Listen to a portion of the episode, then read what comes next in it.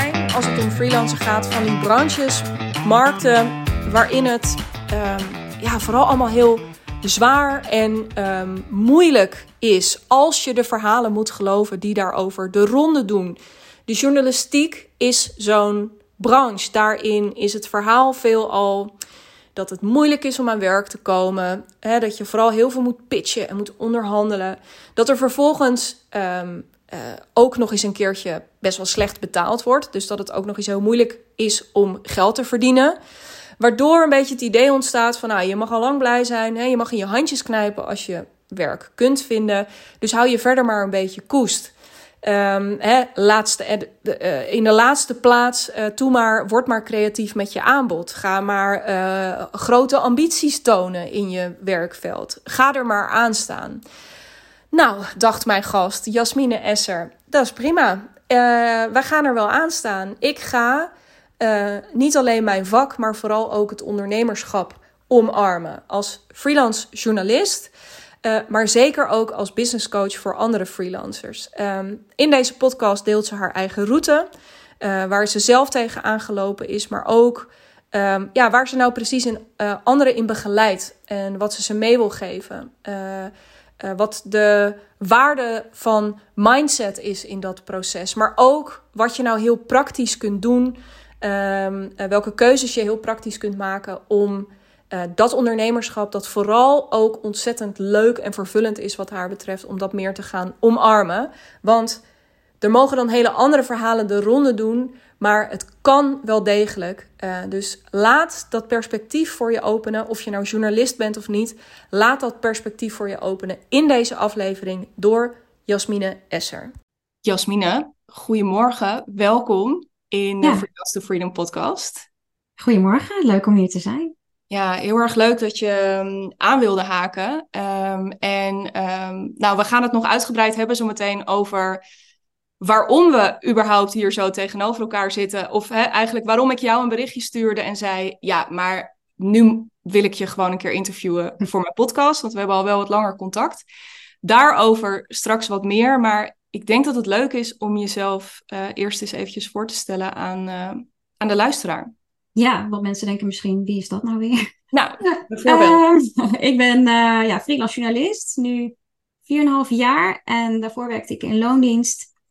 En nou, op een gegeven moment heb ik dus uh, de stap gemaakt om te gaan freelancen. En ik schrijf nu ja, veel over werken, geld, psycho-onderwerpen ook wel. En heel af en toe over reizen. En eigenlijk voor allerlei verschillende media, veel bladen zoals Libelle of Santé online media, bijvoorbeeld uh, Porter René. Um, ja, en daarnaast help ik ook nog als business coach andere freelance journalisten eigenlijk naar um, meer werk of meer geld of juist meer vrije tijd. Ja. Wat ze willen, ja. Interesting. Ik heb van alles gehoord waar ik meer over wil weten. um, maar ik denk dat eigenlijk, heb, ik denk dat met name, want ik gaf net al een kleine uh, cliffhanger aan het begin, dat uh, ik volg je een tijdje en ik heb ook die route bij jou. Hè. Ik heb dat zien ontstaan een beetje zo van een afstandje. Dat je eerst gewoon vooral zelf freelance journalist was. Maar dat je eigenlijk steeds meer ook die business coaching erbij ging doen voor andere journalisten. Um, waarom, misschien is het leuk om daar nog even te beginnen. Wat, want dat had je natuurlijk ook niet hoeven doen. Je had gewoon yeah. kunnen blijven schrijven. En, uh, maar wat maakte dat je op een gegeven moment dacht: ja, ik, ik wil hier iets mee? Nou, ja, daarvoor moet ik denk ik ook eerst even vertellen hoe het ging dat ik zelf ben gaan freelancen. Zeker, ja. Want ik werkte in loondienst, ik denk iets van acht jaar of zo in totaal bij verschillende bedrijven. En op een gegeven moment wilde ik een andere baan, want het bedrijf waar ik toen werkte werd overgenomen en nou ja, er veranderde van alles. En ik dacht, ja, ik ben eigenlijk ook wel weer toe aan een volgende stap. Ik zat daar drieënhalf jaar en toen dacht ik, nou, ik, wil, ik ga gewoon solliciteren, ik ga gewoon op zoek naar een andere baan. En twee keer dat ik uh, bij de laatste twee uh, kandidaten was overgebleven. En dat het allebei die keren de andere persoon werd. Dus ik was echt onwijs aan het balen. Ik zat echt helemaal in zak en as. Um, maar in de journalistiek is dat best wel gebruikelijk om te freelancen. Dus er vroegen ook wel mensen aan mij, nou, waarom ga je dat niet doen? Maar ik dacht altijd, nee, dat is echt, echt vre vreselijk. Het leek me echt verschrikkelijk. Want ik dacht, oh ja, dan moet je elke keer redacties gaan mailen van hoi, uh, heb je nog werk voor me? En dan dat ik dan heel lang zou moeten wachten. En dat ze me dan zouden negeren. En dat ik dan een soort van wanhopig als een verliefde puber bij mijn mailbox zou zitten wachten. Of bij mijn telefoon. Totdat ze ooit een keer bij me terugkwamen. En dat als ik dan uh, werk zou hebben, dat het ook nog eens heel slecht zou betalen. Dus ja, ik dacht gewoon eigenlijk, dat is gedoemd om te mislukken. Uh, maar ik had één vriendin en zij had heel lang gefreelanced. En zij was als enige eigenlijk in mijn omgeving wel enthousiast daarover. En daarom dacht ik ook van, oké, nou, ik ben nu twee keer afgewezen voor, uh, voor een baan. Ik ga toch het proberen om te freelancen. Ik ga gewoon, ik had een freelance opdracht gevonden voor 20 uur per week. En toen dacht ik, nou, ga ik dat doen en dan zoek ik er nog iets bij. Maar eigenlijk was mijn plan om gewoon nog verder te gaan solliciteren. Ik, ik zag het echt als een plan B. Ik dacht, dit ga ik tijdelijk doen. Maar echt al, ik denk echt al, nou die eerste week niet. Toen dacht ik echt, wat heb ik gedaan? Ik heb mijn baan opgezegd, dit komt nooit meer goed. Maar uh, ja, eigenlijk uh, super snel kreeg ik meer opdrachten. En toen dacht ik, huh, dit is echt veel leuker dan, dan ik had gedacht. En ook veel makkelijker eigenlijk dan ik had gedacht. Want het was in mijn hoofd echt heel groot en zwaar.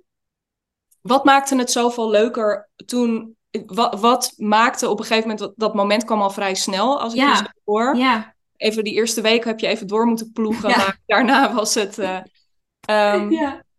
Wat herinner je je nog wat dat was, wat je, um, waarvan je ineens dacht, oh maar wacht eens eventjes. Wat, wat maakte die verandering of wat zag je ineens wat zoveel leuker of zoveel makkelijker was?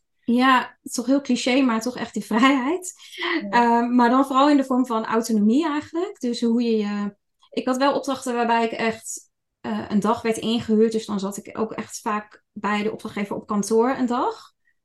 Maar dat vond ik toen heel leuk en gezellig. Dus dat was helemaal prima. Um, maar toch ook wel van, oké, die dag wil ik wer wel werken. Die dag wil ik niet werken.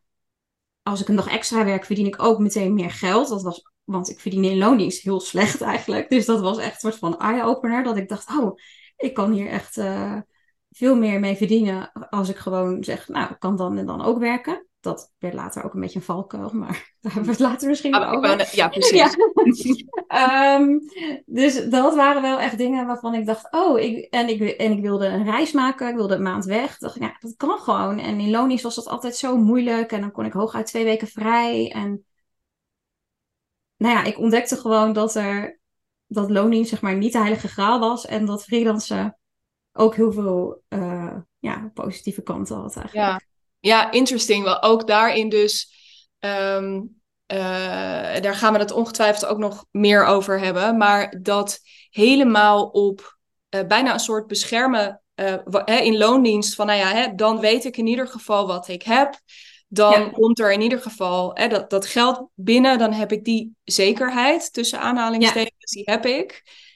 En ehm, in die kaders eigenlijk helemaal niet verder kunnen kijken naar hè, of dat, dat perspectief dus gesloten blijft, wat jij net heel mooi schetst, waar je al vrij snel, toen je wel die stap waagde en dacht, nou weet je wat, ik benader dit een beetje als experiment. Ik ga, het is, hè, in eerste instantie was het dus nog een beetje een plan B.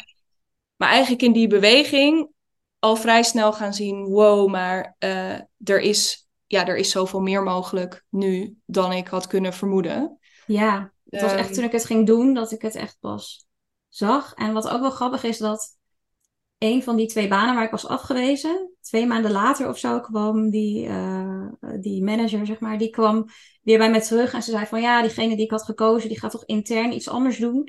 Wil je het niet alsnog uh, gaan doen? En toen zei ik, nee, ik wil nu blijven freelancen. En dat voelde zo gek aan de ene kant, omdat een paar maanden daarvoor ja, wilde ik gewoon niets liever dan die baan doen. En ik was echt, ik was zo verdrietig ook dat ik het niet was geworden. En nu dacht ik echt van nee, ik wil het gewoon echt niet meer. Dus dat was hele verandering in mijn hoofd ook, die, ja. die had plaatsgevonden.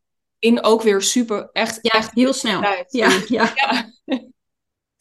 Ja, hey, en hoe lang, uh, want dat, daar ben ik dan meteen, hè, want je, je ging dus eigenlijk, ik zie zo'n soort uh, uh, beweging vormen, zo'n soort grafiek die eerst zo omlaag gaat, zo hè, die ja. een as, want je hebt die baan niet gekregen. Daarna ja. schoot je als een soort raket voor mijn gevoel omhoog, maar wacht even, ik heb werk en het is leuk en er is van alles mogelijk en ik kan die reis gaan maken. Ja. Het voelt echt alsof je een soort nou ja, een soort vuurwerk uh, afschoten. de eerste.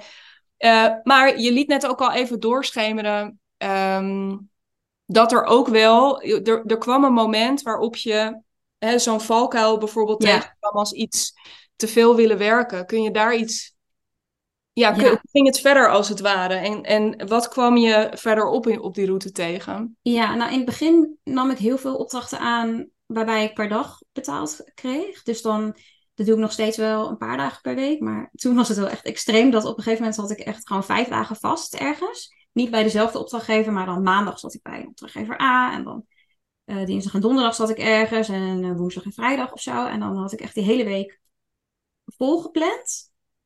Um, en dat was heel fijn, want daardoor, dat was echt wel een fijn begin hoor. Omdat ik heel erg loondienst gewend was. En ik dacht, nou, als ik gewoon vijf dagen werk heb, dan weet ik zeker dat ik genoeg geld verdien.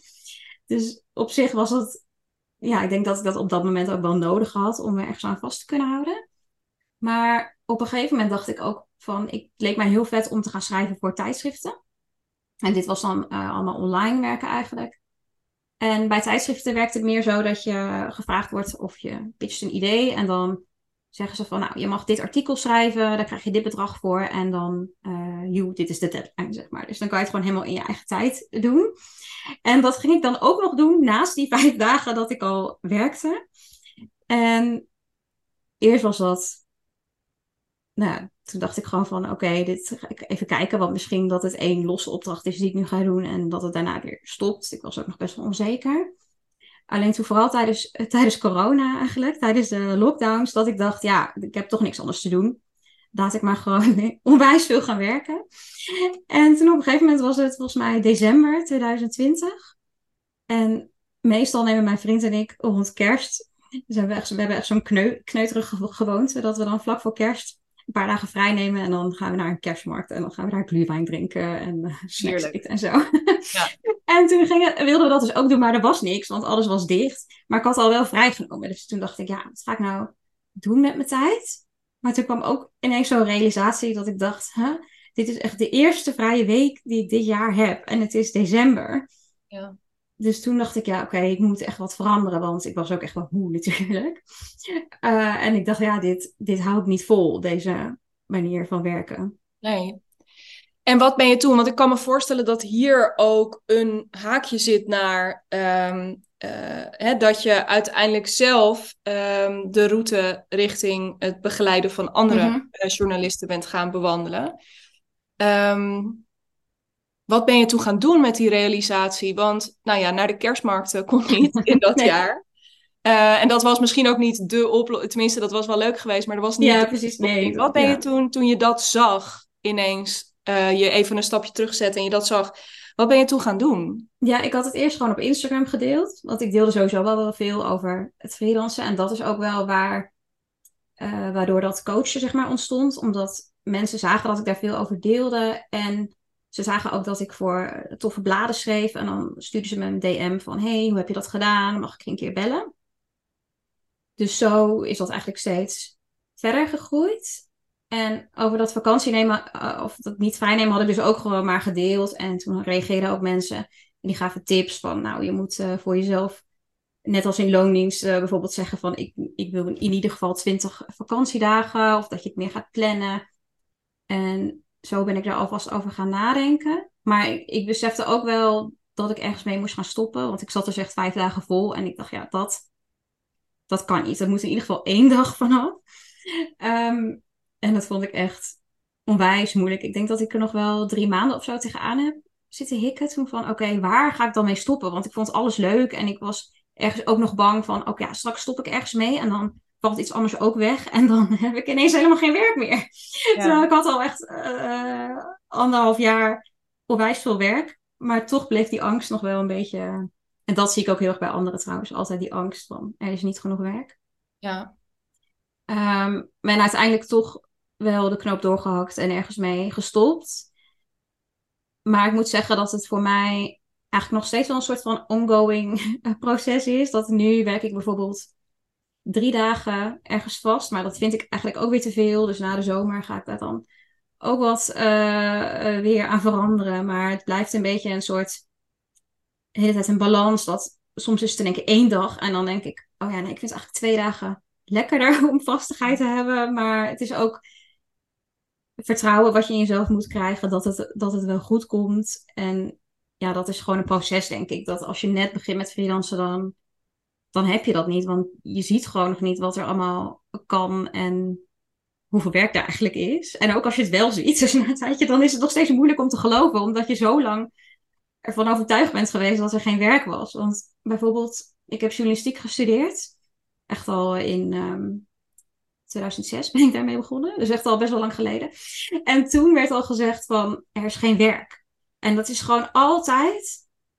Ja, ik ben daar eigenlijk mee geïndoctrineerd met het idee... er is geen werk in de journalistiek en het betaalt slecht. Dus soms denk ik ook wel van... wat zit, zit ik en andere mensen toch te worstelen daarmee? Maar het is ook het is een idee wat al zo lang in je hoofd zit, dat, dat je kan ook niet ineens die knop omzetten, denk ik. Dat kost gewoon misschien even tijd om te zien dat het niet altijd waar is. Nou ja, dit. Uh, hier zitten in alles wat je net zitten een heleboel dingen die ik heel interessant vind. Wat je zegt inderdaad ook over dat proces, dat het nooit klaar is eigenlijk. Ja. Het enige wat je kunt doen en wat jij dus ook geleerd hebt volgens mij, is gewoon ook om elke keer een keuze te maken. Ja, blijven nadenken. En dan weer een nieuwe keuze maken. Net zoals nu eigenlijk. Ehm, de, de code, hoor ik je ook eigenlijk een beetje zeggen, daarin uh, bestaat misschien ook wel niet helemaal. Ja, dat is ook heel persoonlijk, denk ik. Want een vriendin van mij vindt het bijvoorbeeld wel heel lekker om gewoon vijf dagen of vier dagen vaste klussen te hebben. En ze doet ook geen losse dingen. En zij vindt het gewoon de ideale mix tussen hoe het zou zijn in loondienst en als freelancer. Ja. En ik ken ook mensen die alleen maar uh, losse klussen doen, om het even zo te noemen. En die zijn daar heel blij mee. Dus dat is ook een persoonlijke zoektocht, denk ik. Ja, ja, en ook en eentje die ook nog wel kan variëren, denk ik, van levensfase tot levensfase. Ik kan me voorstellen dat er, ik zie dat ook wel bij klanten gebeuren, dat er gewoon, ja, eerlijk is eerlijk, als er in je leven gewoon even wat meer onrust is, kan het heel fijn zijn om in je werk, en het is jouw bedrijf, dus je mag doen wat je wil, uh, om daar ja. wat meer vastigheid in te zetten. En precies, ja. dat weer ook net zo goed op zijn kop te gooien op het moment dat je weer de ruimte voelt, uh, als dat bij je past om dat te doen. Ja. Uh, maar dat van die overtuigingen is heel interessant wat jij zegt. Ik, um, um, nee, voor ik daarop inga. want dit is natuurlijk ook waar die post over ging, die ik op ja. een van jou las. Um, uh, op LinkedIn, waarin, bottom line, je mag me corrigeren als jij denkt, nou, dat was niet helemaal wat ik zei. Uh, maar waarin je eigenlijk toegaf, of waarin je ook schreef van, ja, het, het, dit is misschien wel zo dat, dat we journalisten in een markt zitten waarin, er, waarin we wel degelijk ook te maken hebben met een aantal uitdagingen, waarin er niet altijd even goed betaald wordt. Um, nou ja, en zo zijn er waarschijnlijk nog een aantal andere dingen aan de hand. Maar Um, hè, en ik kan me best wel voorstellen dat daar vuur in ontstaan is, ook uit je eigen route. Ja, maar ja. laat je niet gek maken door die dingen, die, de omstandigheden die er ook zijn en dat verhaal wat je jezelf maar blijft vertellen. Dat jij ook, ik weet niet meer, uh, had ik natuurlijk net even na moeten lezen, maar wat je zei, maar het is wel, basically zei je ook van ja, kom op, hoep ook even gewoon schouders eronder, want je bent ook geen slachtoffer van, van de omstandigheden waar je nu in zit. Ja, precies. Um, hoe is die, um, ja, kun je, daar, kun je dat eens toelichten, hoe je daar, want dit is waar jouw bedrijf natuurlijk ook over gaat, je de coachingkant. Ja. Nou ja, ik zie gewoon heel veel mensen worstelen inderdaad met dat ze niet genoeg geld verdienen. En ik zie tegelijkertijd ook dus dat er, dat er gewoon de hele tijd wordt gezegd: er is geen geld, er is geen werk. En um, even denken, hoe ga ik dit zeggen? dat, ja, ik wil ook niet ontkennen inderdaad dat er bedrijven zijn of uitgevers die, die gewoon echt heel slecht betalen. Maar ik wil gewoon heel graag dat mensen weten dat dat niet, dat er meer is dan dat. Dat je daar niet mee akkoord hoeft te gaan. Maar doordat we allemaal zo dat idee hebben dat er geen werk is en dat er geen geld is, gaan mensen dus ook akkoord met, met lage tarieven of um, met opdrachten die ze helemaal niet willen, maar die ze dan puur voor het geld doen. Terwijl ik denk, ja, dat, dat hoeft niet. Zeg maar. en, en ook omdat ik het, ik zie dat bij anderen, maar ik heb het dus zelf ook heel erg gehad. Dat ik dacht, um, er is geen, geen, geen werk, er is geen geld. En dat hield me in eerste instantie ook heel erg tegen om überhaupt te gaan freelancen. Want het leek mij verschrikkelijk. Ja. En toen, pas toen ik het ging doen, dacht ik, ja, oké, okay, misschien betaalt de journalistiek niet zo goed als, um, weet ik veel, als je consultant bent of zo, of jurist.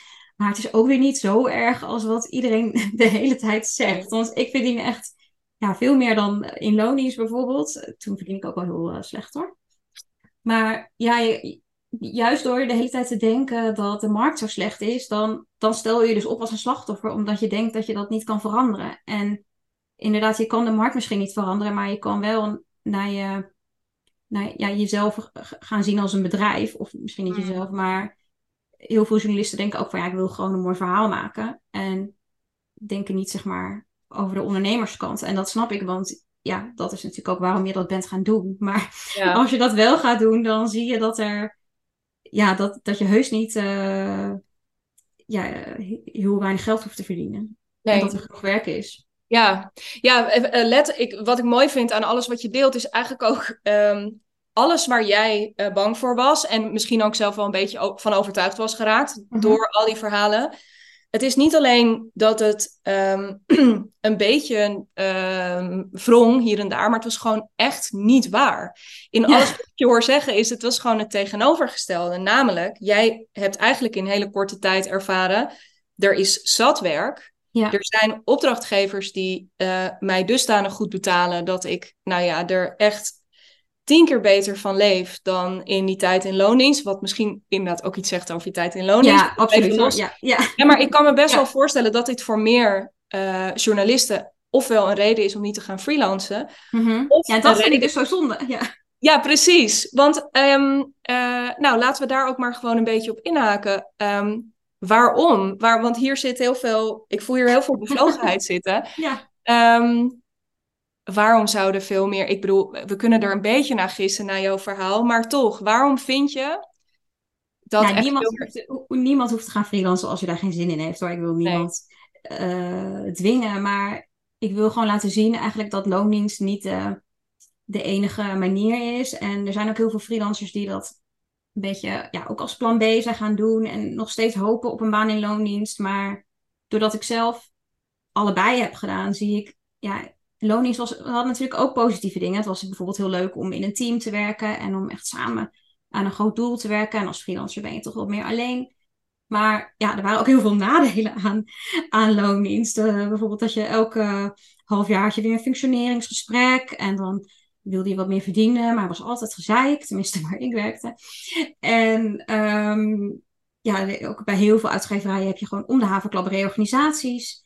En ja, zo zijn er nog wel meer dingen dat ik denk, ja, loondienst is ook niet de heilige graal. En het is niet de enige manier van werken. Dus uh, ik wil eigenlijk mensen meer een breder perspectief bieden. Van kijk, hé, hey, dit is ook mogelijk. En misschien past het niet bij je, maar misschien wel. En als je het leuk lijkt, maar je bent bang omdat je denkt dat het niet haalbaar is, dat, uh, dat vind ik zo erg. Als je het wel wil, maar je durft het niet. En dan denk ik, probeer maar gewoon. Of ja, met een nou, klein stapje. Of, ja. Precies. Maar en, en, als ik jou hoor over hoe jouw route is geweest en ook de snelheid waarmee je eigenlijk, hè, net zoals dat je misschien een tijd lang die verhalen van er is geen geld en er is geen werk uh, bevestigd hebt gezien, in, mhm. eh, of in ieder geval dacht bevestigd te krijgen vanuit je toenmalige perspectief, heb je eigenlijk ook weer heel veel bewijs gekregen al heel snel voor een hele andere kant van het verhaal, namelijk dat, dat het er wel is. Dus ik snap ja ook dat je zegt, nou, probeer, hè, bijna een soort, probeer het nou in ieder geval. Is het niks voor je, is het niks voor je, maar probeer en laat je niet tegenhouden. Want ehm, stel nou dat er zo iemand luistert nu. Uh, ik kan me voorstellen, even, je bent waarschijnlijk ook regelmatig dus via Instagram of via andere eh, kanalen ook met, uh, en met je klanten ben je in gesprek.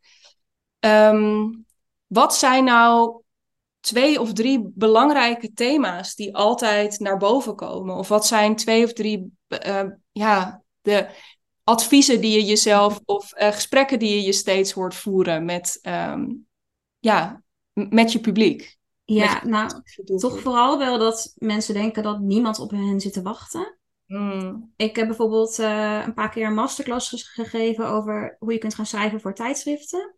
En um, een van de makkelijkste of meest logische of ja, hoe je dat zeg maar het beste kan doen is door een pitch te schrijven. Dus echt een heel concreet idee voor een artikel dat je wil schrijven. En dat stuur je dan naar een redactie. En heel veel mensen merk ik ook dat ze, dat ze dat al heel lang willen, maar niet doen. Omdat ze dus denken van ja, dat heeft toch geen zin. en ook soms hebben ze al die pitch geschreven en dan heb ik ze feedback gegeven en dan zeg ik nou echt een leuk idee en dat ze dat dan toch nog steeds niet durven. En uh, dat ik het bijna voor ze wil doen, zeg maar. Dat ik denk van, oh, uh, probeer het maar gewoon. Want het is ook weer niet zo erg. Natuurlijk, uh, als je, als stel het wordt niks, nou, dan ook geen man overboord. Dan probeer het gewoon nog eens en nog eens. Want ik heb natuurlijk ook gewoon heel vaak nee te horen gekregen hoor, in, in mijn leven. Ja.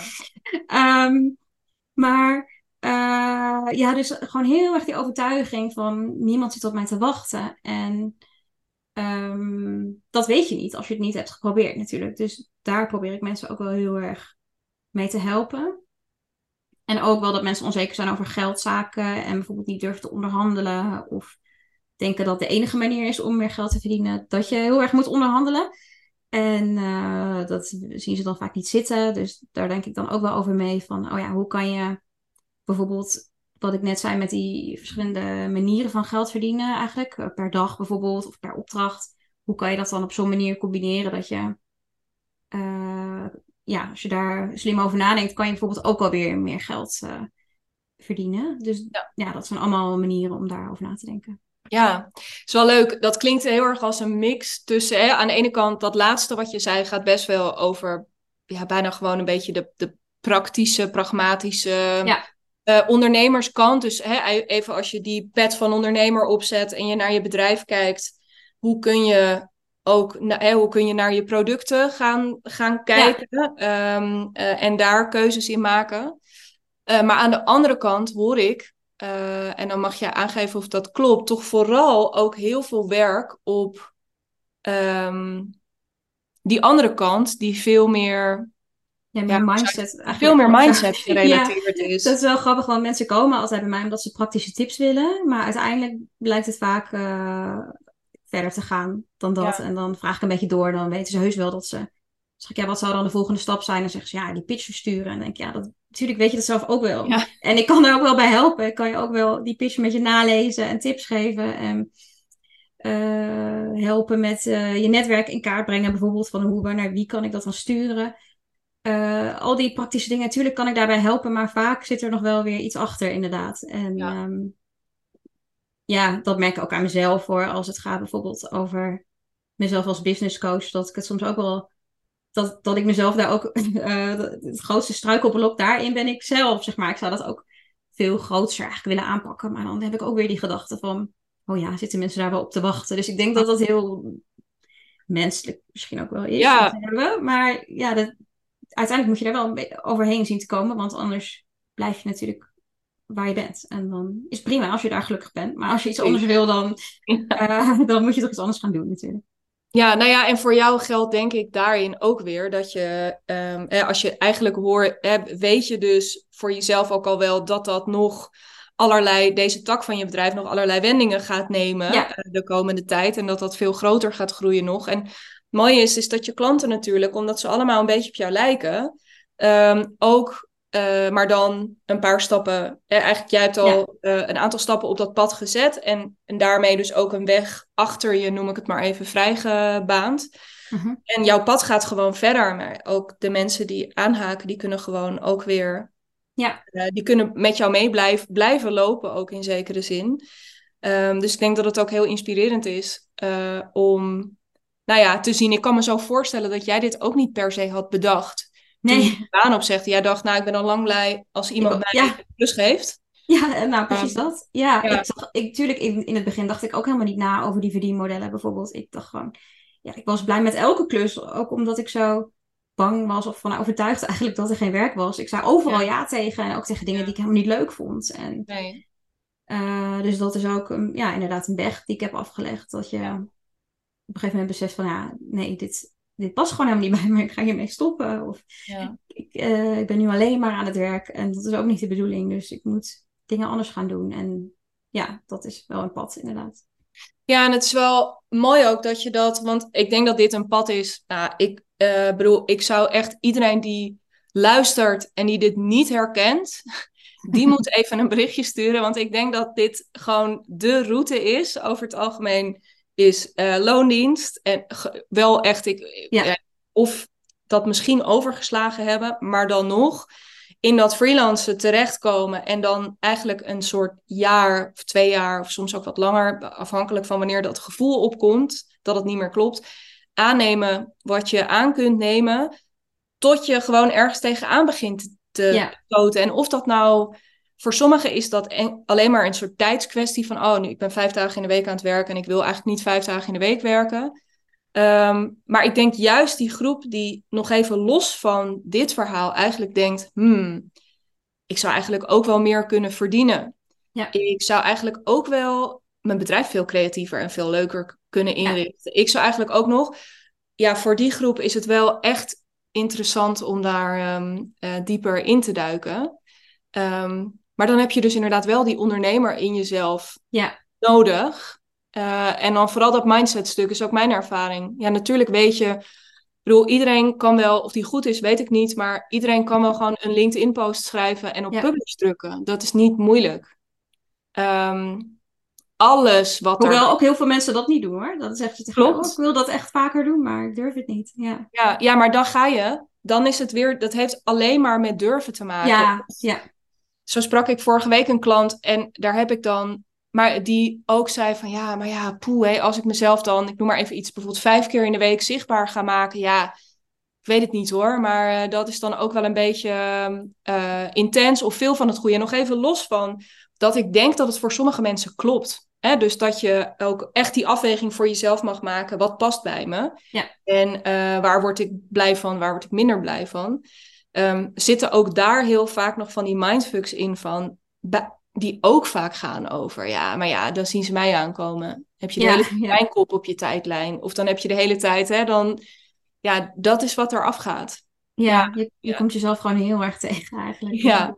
Als je gaat Ja. ondernemen. Ja, dat had ik echt Maar- niet van tevoren eh, kunnen bedenken eigenlijk. Nee. Nee. En ik denk dat dat ook, eh, ik weet niet hoe jij daar naar kijkt, ik denk dat dat heel goed is, want anders begin je er dus echt Nee, dat kan misschien. ja.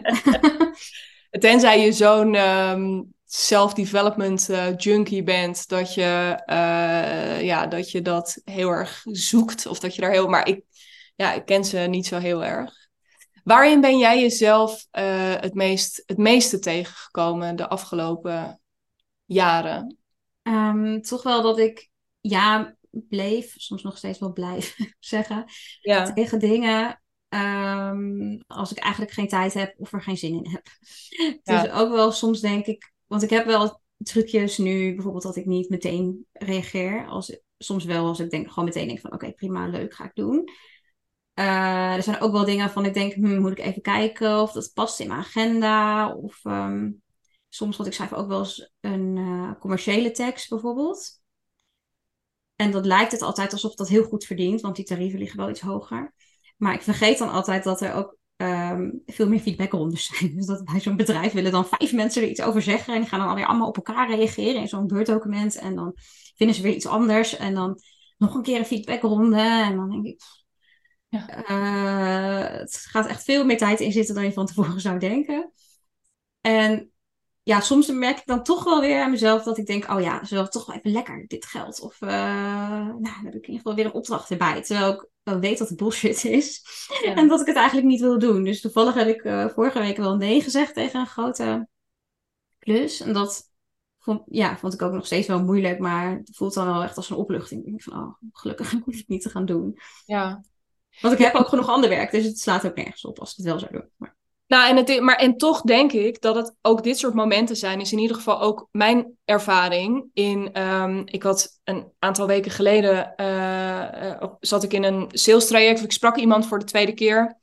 En ik kreeg mijn vinger er niet helemaal, want normaal gesproken is het ook wel eens in een eerste gesprek dat het dan stopt. Of dat we merken van, nou, dit moeten we helemaal niet met elkaar gaan doen. Of... Maar, en ik merkte dat niet echt in dat eerste gesprek, maar er was wel iets maar ik kon mijn vinger er gewoon niet helemaal achter krijgen. En in dat tweede gesprek was eigenlijk vrij snel duidelijk: oké, we gaan het niet doen. Dat had die andere persoon aangegeven. En toen voelde ik bij mezelf een soort opluchting. En toen dacht ik: ah ja, oh, maar dit, dit was er dus aan de hand. Ik wilde het wilde eigenlijk niet, gewoon niet. Zonder hele rationele. eh, nog steeds niet. Ja, misschien hier en daar zou ik je twee of drie kleine dingen kunnen noemen. Maar gewoon, ik, de, maar dat is dan toch was nu ook weer, dat zijn toch ook de momenten die je af en toe nog moet hebben. om een beetje scherp te blijven of zo. Of om ehm, ook weer te leren voor, weet je, het is ook niet. Ja. Mijn ervaring is hoe harder je bezig gaat met uh, ook het proberen te vermijden of zo, soms of het helemaal, um, uh, het ook helemaal goed proberen te doen of zo, dat je daardoor ook dit soort ervaringen weer misloopt. Want voor mij was dat echt weer een aanleiding om te denken, oh nee, wacht even. Even weer gewoon ja. terug. Dat je uh, gewoon weer scherp hebt wat je eigenlijk wel en niet wil. Ja, en met wie en hoe. Kijk, dat was het waarschijnlijk dit een voorval in een serie van dingen. Mm -hmm. um, en toch denk ik dat het goed is om dat af en toe te laten gebeuren, ja. Ja, je mag ja. gewoon, uh, je, ja, je mag gewoon een route bewandelen en dan ook af en toe gewoon nog dingen doen waarvan je later denkt, oh ja. Ja, ja. Ik, de, ik denk ook wel, kijk, dit is dan bijvoorbeeld mijn grote valkuil, dat ik te snel of te veel ja zeg. En dan, dan werk je eraan en het gaat steeds beter, maar het blijft misschien mijn zwakke plek. Dus misschien blijf ik daar altijd wel in meer mindere mate last van hebben. Maar, ja. um, dus het is ook niet dat het dan helemaal opgelost is als ik me daar eenmaal bewust van ben. Maar ja, het gaat, het gaat een beetje met vallen en opstaan, denk ik. Ja. Heb jij jezelf eigenlijk laten begeleiden in dit proces? Ben jij zelf, heb jij... En want dit klinkt allemaal ook nog even los van de praktische kant. Dus van ja. in dat ondernemerschap, maar ook op dat mindset stuk. Um, heb jij zelf coaching of begeleiding daarin gezocht? Nee, niet bij freelancen. Wel uh, bij, um, ja, bij het dat ik business coach ben nu. Um, dus ik volg uh, ja, niet één op één coaching, maar wel uh, groepsprogramma's eigenlijk, dat soort dingen. En daarin, ja, eigenlijk ging het daarbij, bij alle cursussen of trajecten dingen die ik heb gevolgd, altijd wel over dat mindset stuk. En ik weet nog dat een van de eerste keren hoorde ik ook iemand iets zeggen van. Um, ik kan het nooit zo goed navertellen, maar het ging iets als dat je nooit als ondernemer meer kan groeien dan hoe je bent als persoon. Hmm. En toen dacht ik, ja, wat een onzin. Je kan toch gewoon je, kan toch gewoon je werk doen en uh, iets nieuws verzinnen of een nieuw product of zo op de markt brengen. Wat heeft je persoonlijke ontwikkeling daar nou mee te maken? Ik, ik dacht echt, nou, dat, dat is, dat is bullshit, al die mindset dingen. Ja. en toen... Maar, je werk, doe normaal. Ja, dat. Ja, ja maar echt ja. steeds meer besef ik van... Echt mijn grootste struikelblok, en dat zal bij veel mensen zo zijn, ben ik zelf. Je houdt jezelf vaak zo erg tegen. En soms word ik daar ook helemaal gek van. dat ik denk van... Oh, uh, hoezo? Ga weg, al die stomme gedachten. Maar ja, ja, het is zo. En, wat je, en dan in een soort overtreffende trap misschien nog inderdaad als je denkt... Nou, deze hadden we nou toch gewoon... Ja. Deze hadden we nou toch behandeld? Krijg ik ja. hem nou weer? Nog gewoon, een keer, ja. Ja, ja, ja. Voilà. Ja, ja. ja, herkenbaar. Heel herkenbaar. hey, en op welke manier werk jij nu? Want er, al, al die ervaringen die jij hebt opgedaan... al die gedachten waar jij zelf de strijd mee bent aangegaan... al die... Ja. Um, dat heb je allemaal verpakt op een gegeven moment in een manier van werken. Ik hoorde je net al praten over een masterclass bijvoorbeeld, ja. uh, pitchen richting, uh, richting tijdschriften. Um, ja, wat, wat, hoe, heb je, hoe, hoe werken mensen met jou? Hoe werken als business coach bedoel je? Ja, als ja. business coach, ja. ja. Um, nou, eigenlijk de eerste stap uh, voor mij, toen ik hiermee begon, was dat ik een handleiding heb geschreven. Echt een hele ja, heel uitgebreid document over hoe je begint als freelancer. En het eerste hoofdstuk gaat ook over mindset. Dus uh, uh, als je bijvoorbeeld in loondienst bent, maar je durft het niet, wat je dan kan doen. En ook wat ik net zei over verschillende verdienmodellen die er zijn. ook een hoofdstuk wat kort ingaat op pitchen. Ehm, even denken ja, hoe je gevonden kunt worden, bijvoorbeeld als journalist. Dus echt wat je, zodat, je, zodat redacties met jou gaan benaderen, zeg maar, in plaats van dat jij hen uh, opzoekt. Dus echt het begin, altijd als mensen bij mij komen en zeggen, ja, ik wil beginnen met freelancen, heb je een tip? Dan zeg ik, ja, lees dat. Want daar staat gewoon echt zoveel in. Uh, echt alles uh, wat je moet weten als je net begint met freelancen, ja, durf ik wel te zeggen, staat daar eigenlijk ja. in. Um, en dan, uh, daarna heb ik een uh, masterclass inderdaad gemaakt. Dus die uh, heb ik net dit voorjaar gegeven. En ik denk dat ik hem volgend jaar, voorjaar weer ga doen. Dus die heet Schrijven voor Magazines. En ja, dan ga ik eigenlijk heel uitgebreid in op dat pitchen. Um, maar ook bijvoorbeeld, ja, hoe, um, hoe vind je dan de juiste persoon die je moet hebben bij een tijdschrift? Nou, eigenlijk dat hele proces, daar gaat het over. En um, de deelnemers kunnen dan ook een pitch naar mij sturen en ik ga ze dan feedback geven. Ook om de stap eigenlijk nog kleiner te maken voor hen en dat ze het echt gaan doen. En um, sommigen stuur ik dan daarna ook nog een berichtje van: Hey, heb je het nou al opgestuurd? Omdat ik gewoon, ik wil gewoon, ja, het is gewoon echt mijn doel dat, die, dat zij slagen, zeg maar. Dus dat. Uh, daar gaat het echt om. En ik heb ook nog een uh, document gemaakt met e-mail templates. En dat gaat dan over uh, hoe je, wat je bijvoorbeeld stuurt als je een opdracht zoekt, maar ook als je meer geld wil voor een klus of als je uitstel wil van een deadline. Nou, echt super breed. Volgens mij zijn er iets van 33 mails in. Mm, en na de zomer wil ik een nieuw traject, groepstraject, coachingstraject lanceren, wat echt veel meer ingaat ja, op waar we het vandaag eigenlijk over hebben. Dus uh, vooral het geld verdienen. Hoe verdien je nou genoeg geld? Wat kan je dan allemaal doen? Uh, dus ik heb al een paar uh, tips volgens mij genoemd over die verdienmodellen. Maar ook hoe je, hoe je dag indeelt.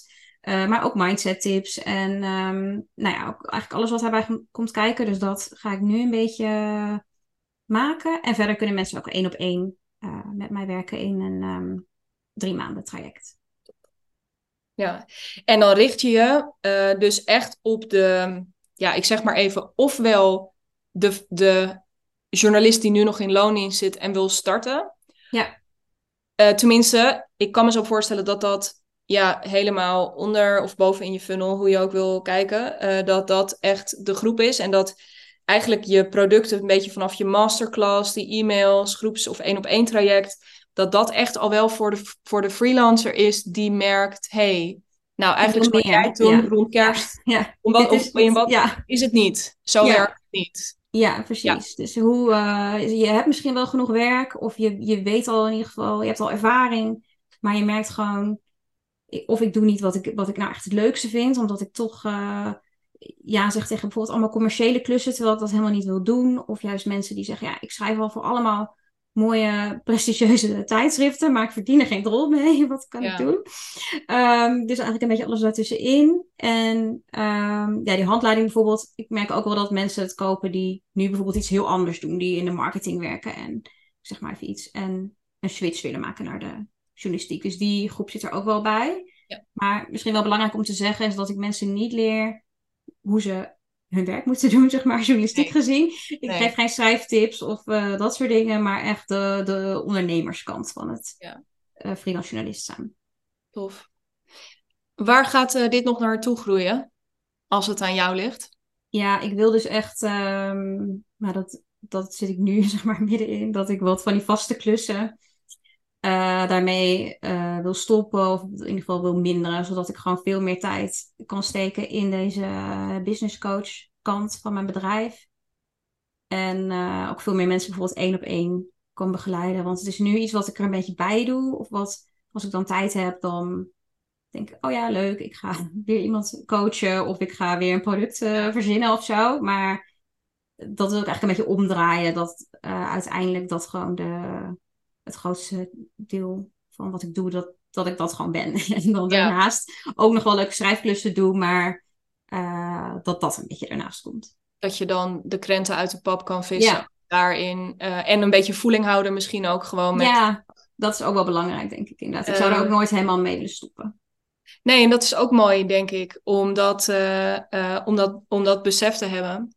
Want wat zou het voor jou betekenen als dat, hè, want nu zit je, en je hebt er eigenlijk al best wel een aantal hele mooie stappen gezet. En ik denk dat er al heel veel staat. En, maar hè, als je gewoon je voorstelt dat je over periode X die switch hebt gemaakt. En dat dus die weegschaal die andere kant um, uh, uitslaat.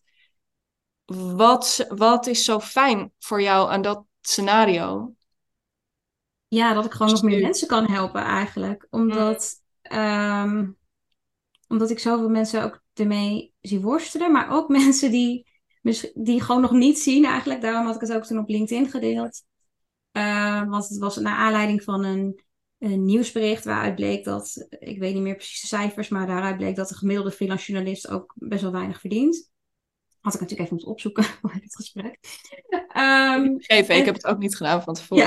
Ja, en toen, maar toen dacht ik, dan, denk, dan word ik dus heel erg, komt dat vuur in mij naar boven, dat ik denk, maar dit hoeft niet, het hoeft niet op die manier. En uh, ja, dus eigenlijk bijna iedereen soort van wakker schudden in die branche van, uh, het, het, kan ook anders. Dat is, dat is eigenlijk denk ik mijn grootste missie, omdat ik het zo naar vind om te zien dat mensen akkoord gaan met dingen waarmee ze niet akkoord hoeven te gaan. En uh, op een bepaalde manier werken die misschien helemaal niet bij ze past. En dan denk ik, ja, dat, er zijn andere mogelijkheden. En dat wil, dat wil ik ze gewoon graag laten zien. Ja. En um, is dat een bevlogen... Gewoon, de vraag komt nu in mijn hoofd. Dus ik ga hem aan je stellen. Maar misschien is die ook heel groot. Is dat...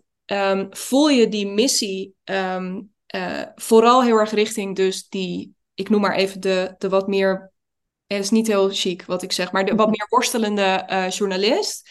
Hè, bij wie je echt denkt, ah, oh, maar als je dit zou weten, dan gaat er een wereld voor je open en dan hoeft dit allemaal niet. Of is het ook een missie die je voelt richting je vak of richting de markt? Zou er voor de journalistiek zelf misschien ook iets veranderen uh, op het moment dat journalisten zich wat meer als ondernemer ging, gingen gedragen? Mm, ik denk wel dat ik me meer op het individu richt eigenlijk. Um, ik zit even te denken, maar ja, op zich als mensen meer het soort opdrachten gaan aannemen wat bij ze past, dan heeft dat misschien ook wel invloed op de journalistiek aan zich.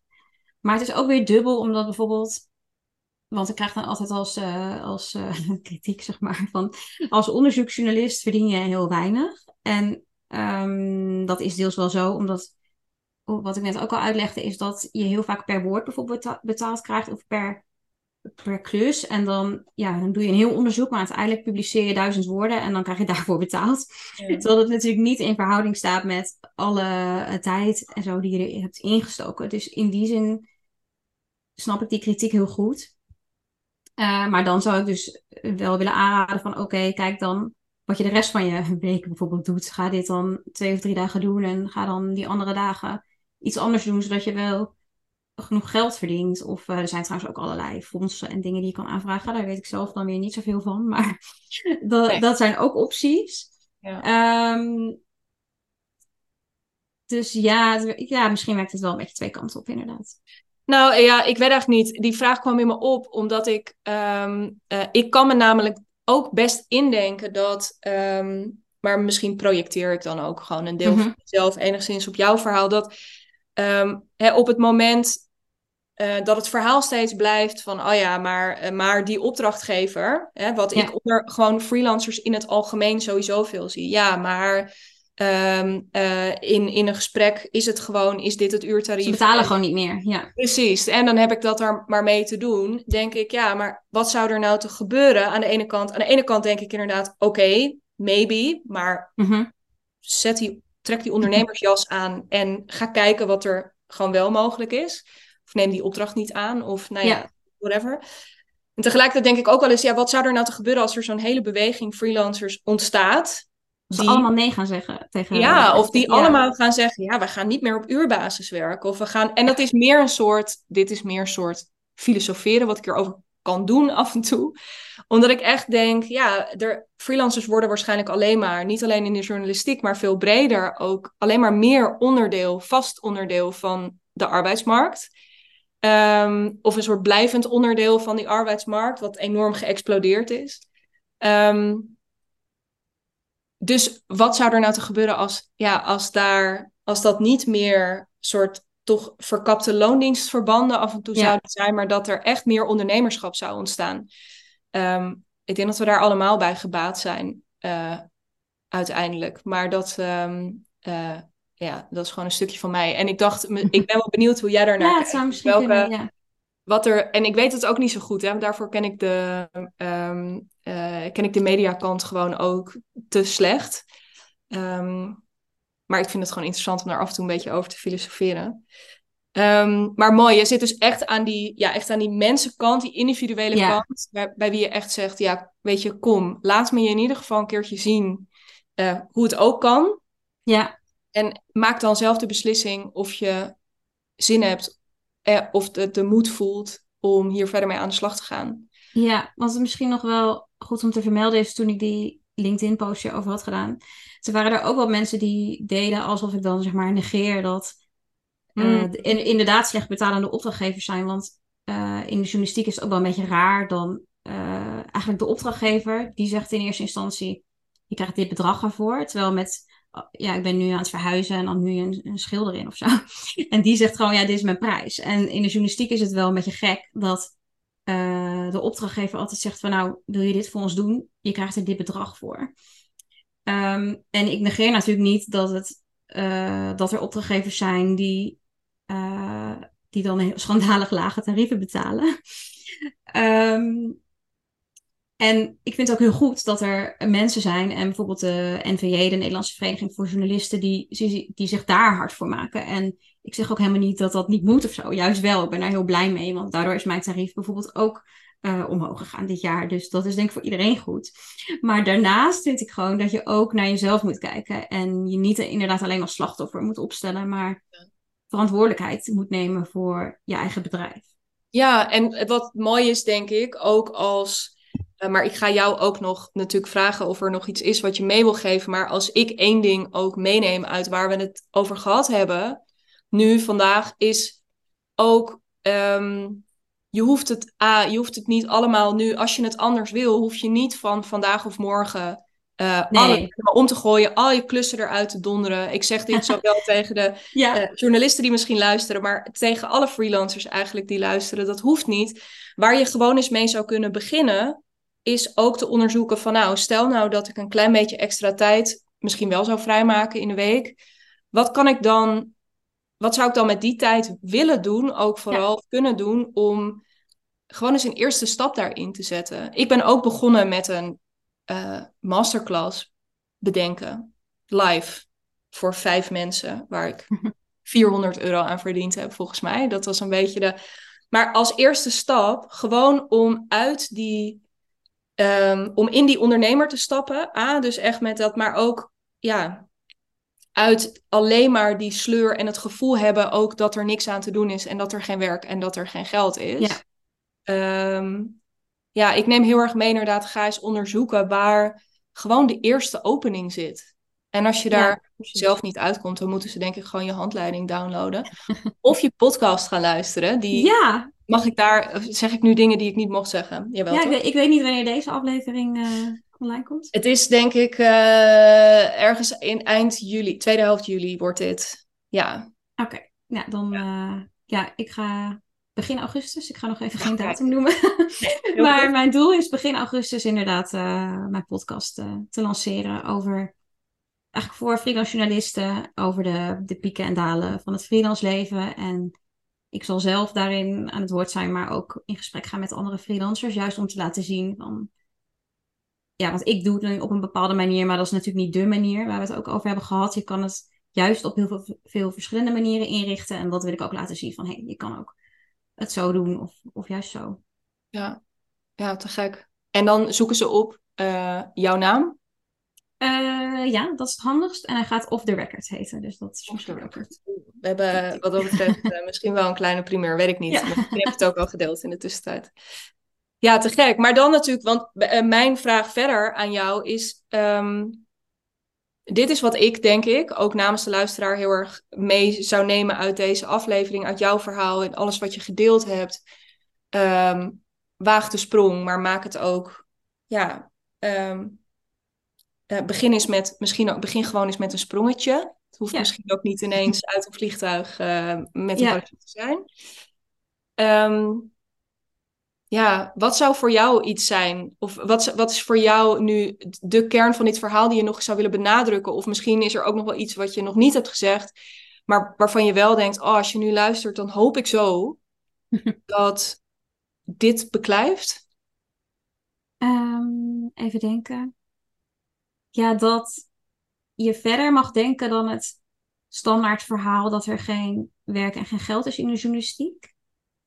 En er zullen vast mensen zijn die die ervaring hebben. dus dat uh, wil ik ook niet ontkennen. Maar ik wil zelf ook heel graag laten zien. Um, daarom deel ik ook veel dat het, dat het anders kan. En ik wil probeer daarin een voorbeeld te zijn. Het klinkt wat heftig om over jezelf te zeggen, maar ehm, juist soms denk ik ook wel van, oh ja, heb je haar weer online? Over mezelf dus. Maar dan denk ik van, ja, ik wil gewoon echt laten zien aan mensen, freelancen kan heel leuk zijn. En die vrijheid die je hebt, die autonomie en ik verdien veel meer geld. Ehm, niet dat het alleen om geld gaat, maar dat is wel leuk natuurlijk. En ik schrijf voor de, voor de bladen.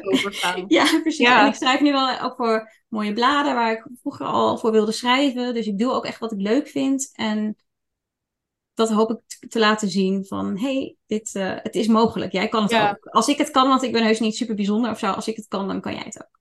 Ja, en ik denk dat daar nog een hele mooie, want ook om, uh, ook in, in de manier waarop je het nu presenteert, is denk ik ook, je hoeft dus ook niet iemand te zijn die zegt, nou en nu ga ik eens even opstaan en mezelf op mijn borst kloppen en dat allemaal maar zo je kunt dus gewoon met al die gedachten onder je arm en alles wat je daar zelf ook van vindt en de twijfel die je daar misschien ook nog bij voelt. Of ja, moet ik nou de hele tijd met mijn gezicht daar dan ja. zo in voorop lopen?